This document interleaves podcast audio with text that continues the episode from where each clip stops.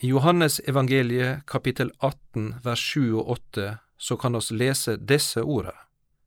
Kven leita de etter? Og de sa Jesus fra Nasaret. Jesus svara, Eg sa dykk at det er eg.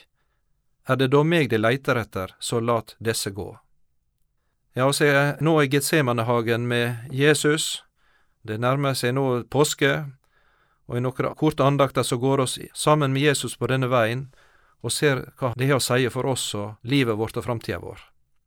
Jesus sine læresveiner, de var nå på vei til et punkt de ikke trodde de skulle ha kommet til. Vaktstyrken var i ferd med å gripe Jesus og bringe han med seg til anklage, dom og død. Dette hadde Jesus snakka om ei stund for sine venner. Fra Matteus kapittel 16 så får oss høre at fra den tid tok Jesus Kristus til å gjøre det klart for læresveinene sine at han løyt fare til Jerusalem, og at han skulle tåle mykje vondt av dei eldste, øversteprestane og dei skriftlærde, at han skulle verte slein i hel, og at han skulle stå opp att tredje dagen. Denne undervisninga hadde ikkje falle i god jord hjå Jesus sine venner og læresveinar, og særlig ikkje hos Peter. Han hadde ved flere anledninger protestert sterkt i møte med slike tankar fra Jesus. Det var ikkje en slik Messias de hadde sett for seg. Det var ikkje slik Jesus skulle gå fram etter deres tankar og planer. De hadde nok sett for seg at han skulle til slutt bli kruna som konge og fyrste over Israel, en som skulle frigjøre folket og landet, som alle i Israel til slutt skulle respektere og hylle. Og ord om lidelse og døde passer ikke inn i et slikt prosjekt. Det er også Peter som griper til våpen for å hindre at dette nå skal skje. Vi kan lese i vers 10, og da ser oss at han hogg av det høgre øret til en som heter Malkus. Simon Peter hadde sverd, og det drog han og hogg etter tjeneren til øverstepresten, og snedde av han det høgre øret. Tjeneren het Malkus. Men Jesus sa til Peter, Stikk sverd i slira, lyt eg ikkje drikke det begeret som far min har gjeve meg. Og så veit oss ut fra Lukas' skildring at Jesus gjorde denne Malkus sitt høgre øre godt igjen. Stikk sverdet i slira, sier Jesus til Peter. Han var ikkje en slik Messias som var kommet med våpen i hand og hadde politiske ambisjoner i Israel. Han var en annerleis Messias, en annerleis fyrste og en annerleis konge. For å sjå litt på dette, så kan oss gå tilbake til en av de gamle Messias-profetiene som oss finner hos profeten Jesaja. Der får oss høre om barnet som vart født og sønnen som vart gjeven, herreveldet som vart lagt på skuldrene hans, og så navnet, da underfull rådgiver, veldig Gud, evig Far, fredsfyrste, fra Jesajas kapittel 9. Lik det oss hørte i første andakta, så ser oss også her at han blir kalla for veldig Gud og evig Far.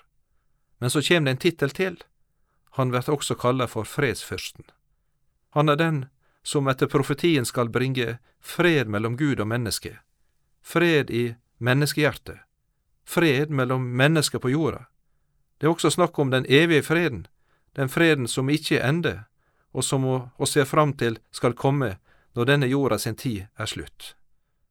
Læresveinene hadde fått sett noe av dette på palmesøndag, da han kom ridende inn i Jerusalem på en eselfole. Og da ser oss eh, at de henta eselfolen, la kappene på det, han sette seg oppå, og mange folk i folkehopen bredde kappene på veien, hogg av greiner, av trea strødde på veien, og så ropte dei Hosianna, Davids sønn, velsigna er Han som kjem i Herrens navn, Hosianna i det høgste.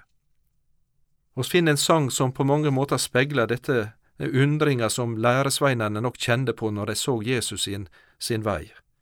Hvorfor valgte du en eselford, Jesus? Du kunne i det minste ha valgt en hest. Du gjorde deg så ussel og så liten da folkemengden ville lage fest.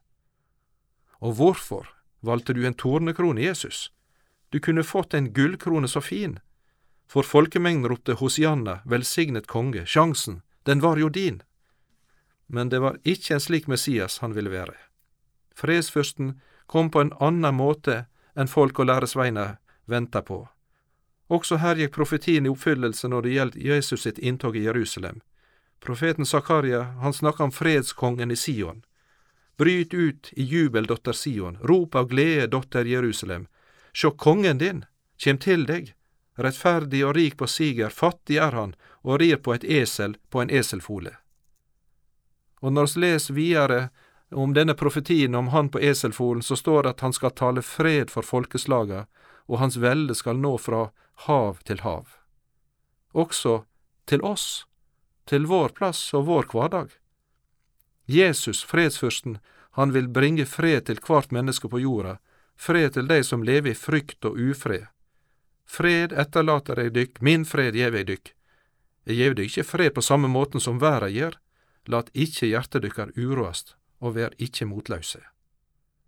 Freda kjem gjennom trua og tilliten til Han som er fredsfyrsten. Og nå står Jesus der. Han står der det er natt, det er Getsemanehagen, de er ute etter å ta han og fange han, og så stiller han seg fram og sa, Eg sa dykk, det er meg. Er det da meg de leiter etter, så la desse gå. Det er et ord også Jesus sier som gjelder deg, med tanke på dom og tanke på anklage, med tanke på det som vil møte. Han, Jesus, gikk inn, og så sier han, la han og hun gå fri og leve. Amen. Andagsholder i dag var Jan Helge Aarseth. Serien produseres av Norea Mediemisjon. Les mer om oss på norea.no.